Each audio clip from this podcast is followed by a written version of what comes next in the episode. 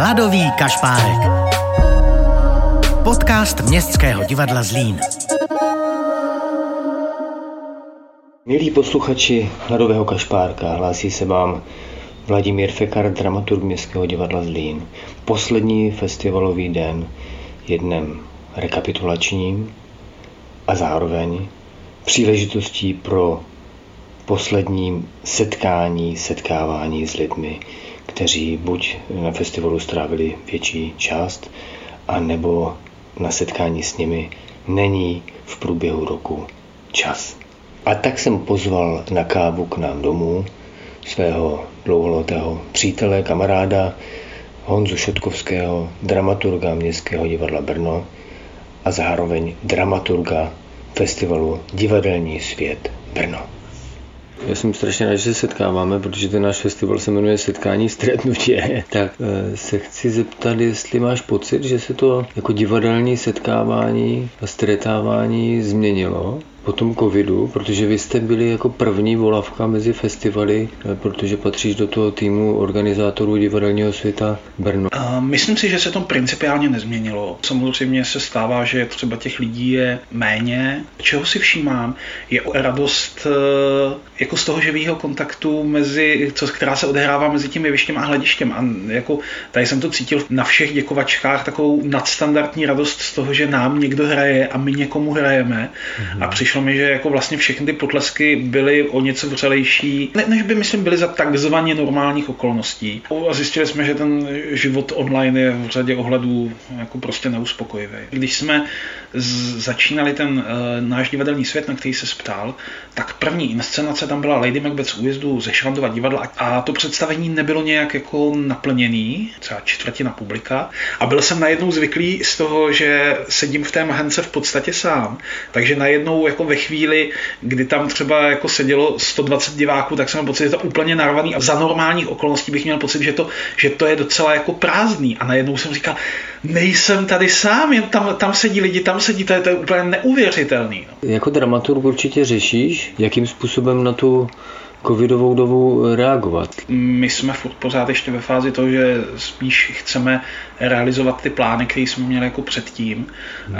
že jsme zatím jako nezačali stavět jako nějaký zásadně postcovidový dramplán. Navíc já si myslím, že ona ta, i když snad to nejhorší doufám opravdu, že máme za sebou, že ta doba covidová ještě úplně neskončila a že se s tím ještě budeme potýkat a pak přijde jako ta možná ještě napínavější a divadelně vděčnější fáze v tom, do jaký míry s tou pandemí žít jako s nějakou novou normalitou. No. A, my se, a myslím si, že to ještě to na, na tu reflexi, jako že jsme ještě příliš jako zanozený v tom, než aby na nějakou uh, podstatnou reflexi jako mohlo dojít, jako předpokládám, že to opravdu jako přijde časem, i když samozřejmě těch třeba dramatických pokusů na to reagovat je už u nás i ve světě poměrně dostatek.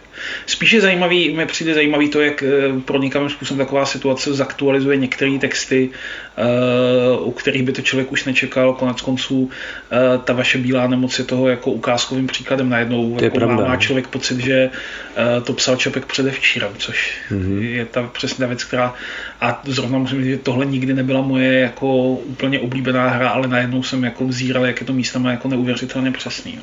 Která inscenace tě zaujala tak, že ti přinesla nějaké nové impulzy? Možná mi největší dva zážitky i v tomhle přinesly dvě inscenace, které se mi uh, líbily nejvíc. A to je uh, Prašovské Moral Insanity a Zvolenský Čepěc u toho Moral Insanity mě vlastně fascinovalo to, že Eh, samozřejmě, že to téma, to je, dejme tomu, jako monolog člověka, který se živí výrobou dezinformací, je samozřejmě něco, co je pro tuhle dobu extrémně palčivé. A byť oni volí ten jako účinný trik, že tenhle ten, řekněme, morálně opravdu nemocný jedinec nás oslovuje vlastně jako svý spiklence, jako kolegy, což je jako hmm. samozřejmě prastarý od Richarda III. divadelně jako velmi účinný trik, eh, tak zároveň nezůstanou, eh, jako nezůstává to didakticky. Vlastně je to pohled do jedné jako eh, zvláštně pokřivený, ale nejednoduchý lidský duše a nakonec se to podobně od toho tématu výroby fake news posunulo spíš k otázce, jak jako rozličné mohou být důvody k tomu, který lidi nutí šířit nepravdy a že to nemusí být vůbec jednoduché a snadno, uh, snadno odstřelitelné, byť ta činnost je špatná tak ty důvody mohou být jako velmi komplikované a vlastně let kdy i docela pochopitelné.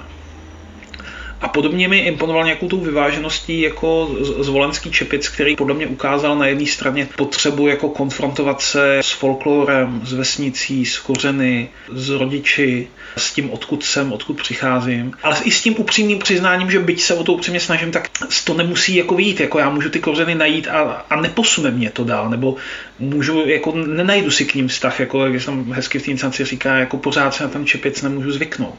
Mm-hmm. A, a k tomu všemu to jako ale zároveň vedle té, jako řekněme, jako liricko-nostalgické roviny má to věcný konstatování, že ta dědina může být taky pěkný peklo, jako prostor jako eh, mindráků a nenávisti eh, a malosti a tak dále, že opravdu Což je, je to na jedné straně jako zhození toho klasického českého rurálního mýtu, ale na druhé straně ho velmi rafinovaně a potměšile rozbíjí v tom, že to ale vůbec není zaručený, že ty kořeny najdeš a když je najdeš, že ti nemůžou být vlastně protivný. Jsem rád, že jsme se setkali tady u kávičky. Mně to taky chybělo, protože kde jinde se potkáme než na festivalech.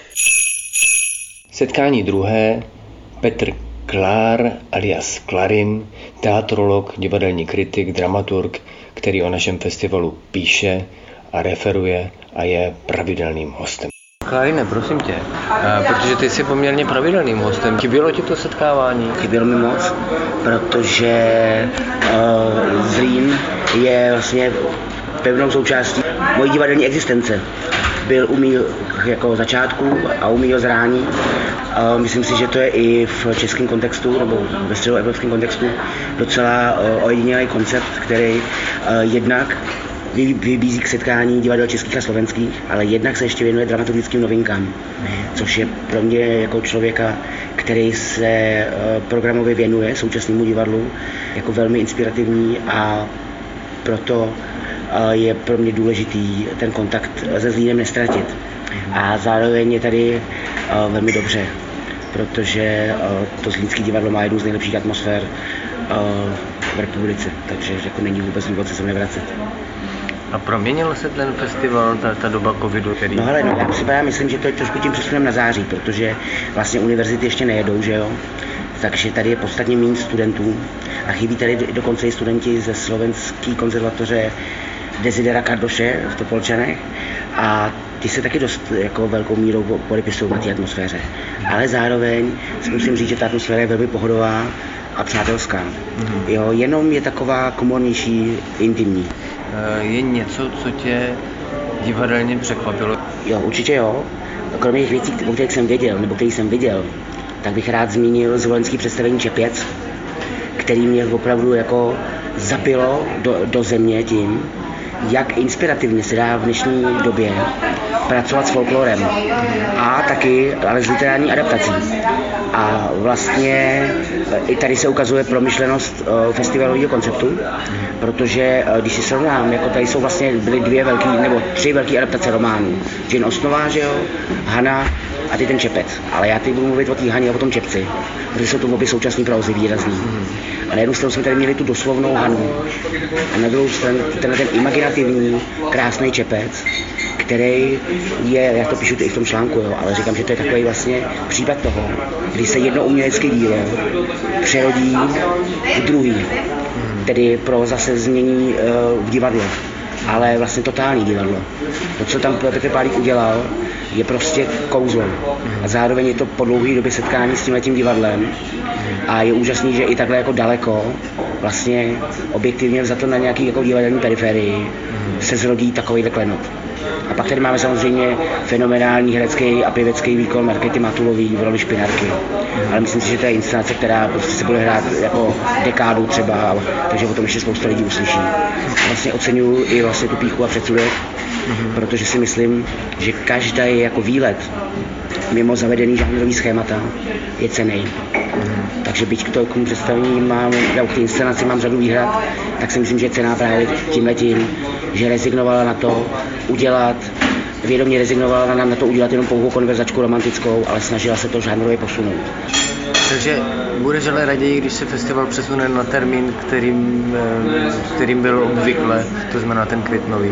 No, pro, pro mě to není jako rozhodující, jestli, je to, jestli tu sezónu festivalovou s Línem začínám, anebo končím, protože tady je vždycky jako stejně příjemně.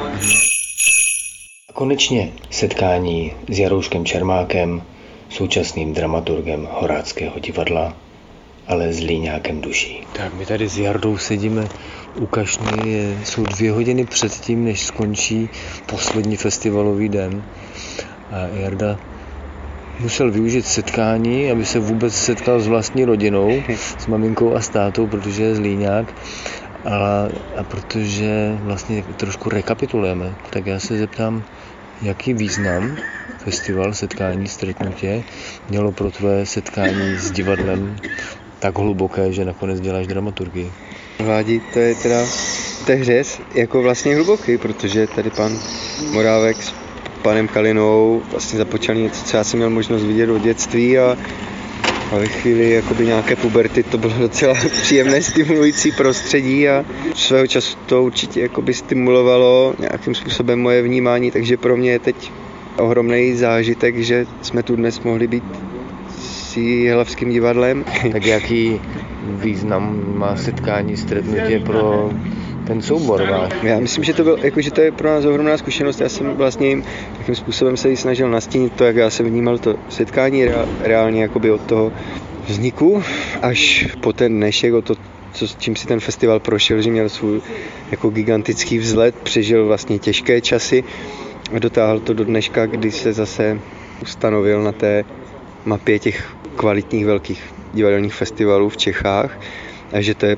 pro naše divadlo velkou poctou. To, co nás spojuje vlastně s Jihlavou, je i to, že jsme divadla na regionu.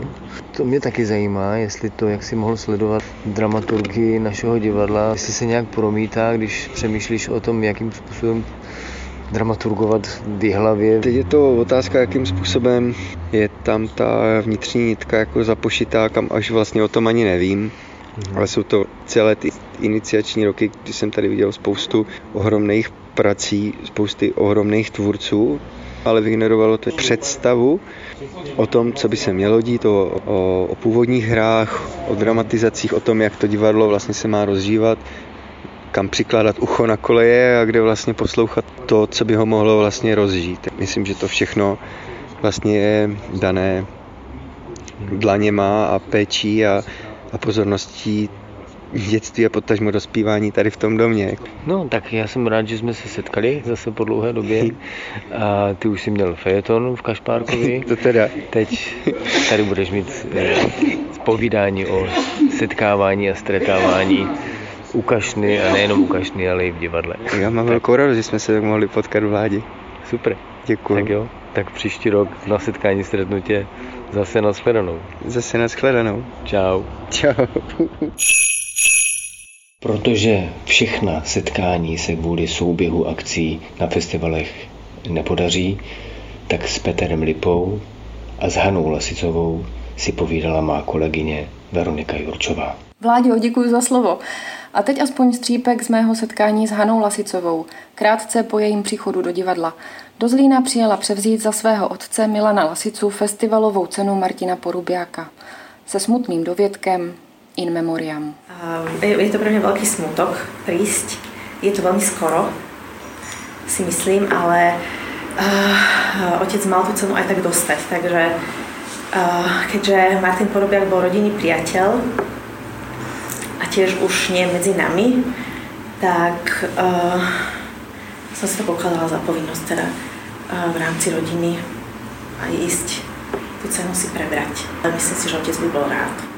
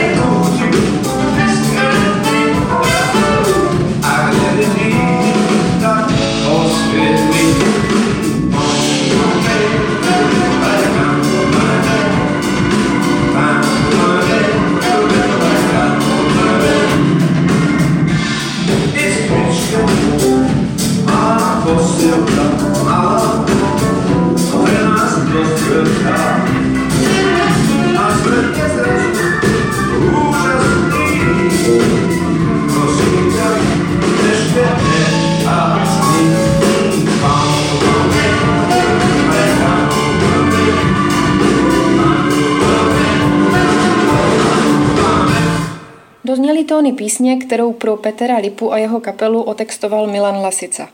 A já jsem si dovolila zkoušku posledního festivalového koncertu na chvilinku nabourat a přerušit kvůli povídání s Peterem Lipou, muzikantem, spolupracovníkem a hlavně dobrým kamarádem Milana Lasici. Keď sa stalo to, čo sa stalo, tak my sme mali v kalendári o 4 dní na to ďalší koncert, takýto spoločný. A to bolo v jeho divadle, v L plus S štúdiu. A vtedy sme uvažovali, že čo urobíme, že či ten koncert zrušíme, alebo či budeme v ňom pokračovať bez neho. A s riaditeľom toho divadla, pán Danišovica, vlastne sa dohodli, že to urobíme a prišiel aj on na scénu. No a jednoducho sme v tej chvíli, kde, keď mal prísť on, spomínali na neho, každý zo svojho hľadiska. No a toto bude v podstate kópia tohoto predstavenia, tak by som si to predstavoval aj tu u vás. Milan Lasica bol pre mňa človek, ktorého som obdivoval dávno predtým, než som si čo len pomyslel, že by som mohol byť umelcom, výkonným umelcom a že by som mohol spievať na takej úrovni, že by som sa tým mohol živiť a tak. Ja som bol amatérsky jazzový hudobník a zoznamenie sa s Milanom bolo úplne prirodzené, lebo som bol na tej scéne činný, ale netušil som, že môžem byť jeho spolupracovník, jeho kolega, čiže mne sa stala počas tej mojej kariéry obrovská zmena vďaka nemu, som začal spievať po slovensky vlastne, ja som predtým spieval po anglicky, ale keď som si uvedomil, že môžem mať texty od takéhoto človeka, ktorého si ja tak veľmi vážim a ktorého obdivujem, ako literárneho človeka, ako literáta ho obdivujem, tak, tak som jednoducho zmenil kabát a začal som spievať po slovensky. Milan je nenahraditeľný pre mňa osobne tá strata je pre celé Slovensko, pre celú Slovensku a verme, že aj pre československú kultúru obrovská a nenahraditeľná. Říká se, že poslední slovo má maminka, ale v případě festivalu poslední slovo má ředitel Petr Michálek. Kromě toho, že byl v mimořádném termínu, tak bylo opravdu mimořádné ten program eh, složit dohromady nejenom kvůli covidu, ale i právě vzhledem k těm prázdninám a, a k mnoha, mnoha okolnostem. My jsme Československý festival, takže jsme řešili i ty přeshraniční záležitosti, dramaturgické plány se tím divadlům prostě měnily eh, pod rukami, takže eh, to nebylo snadné a vycházím i z rozhovoru s mnoha, mnoha diváky lidmi, tak jsme měli opravdu jako pár mimořádných divadelních zážitků. A kromě toho nad tím vším je opravdu cítit ta radost, přestože musíme mít ty roušky, eh, ta radost z toho setkávání a z toho, že to jde. Takže jako ve mně rozhodně převažují pozitivní emoce. Já tím, že jsem ve vedení té asociace profesionálních divadel, tak vím, že ta situace je v podstatě srovnatelná ve všech divadlech, že jsou na 60, na 70 procentech. Ta zásadní informace je ta, že v celku logicky se dramaticky zkrátila doba toho rozhodování, jestli do divadla půjdu nebo nepůjdu. Ty důvody jsou jako logické a přesto, že jsou ta omezení, ti lidé prostě přišli.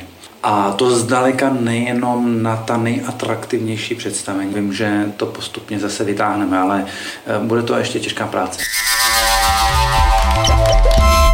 25. ročník Československého festivalu Setkání stretnutě. Partnery festivalu jsou česká firma Teskoma, generální partner divadla a česká zbrojovka Uherský Brod, generální partner festivalu. Hlavní mediální partner festivalu je Česká televize. Festival dále finančně podpořili Ministerstvo kultury České republiky, město Zlín a Zlínský kraj. Příjemnou zábavu vám přeje Městské divadlo Zlín.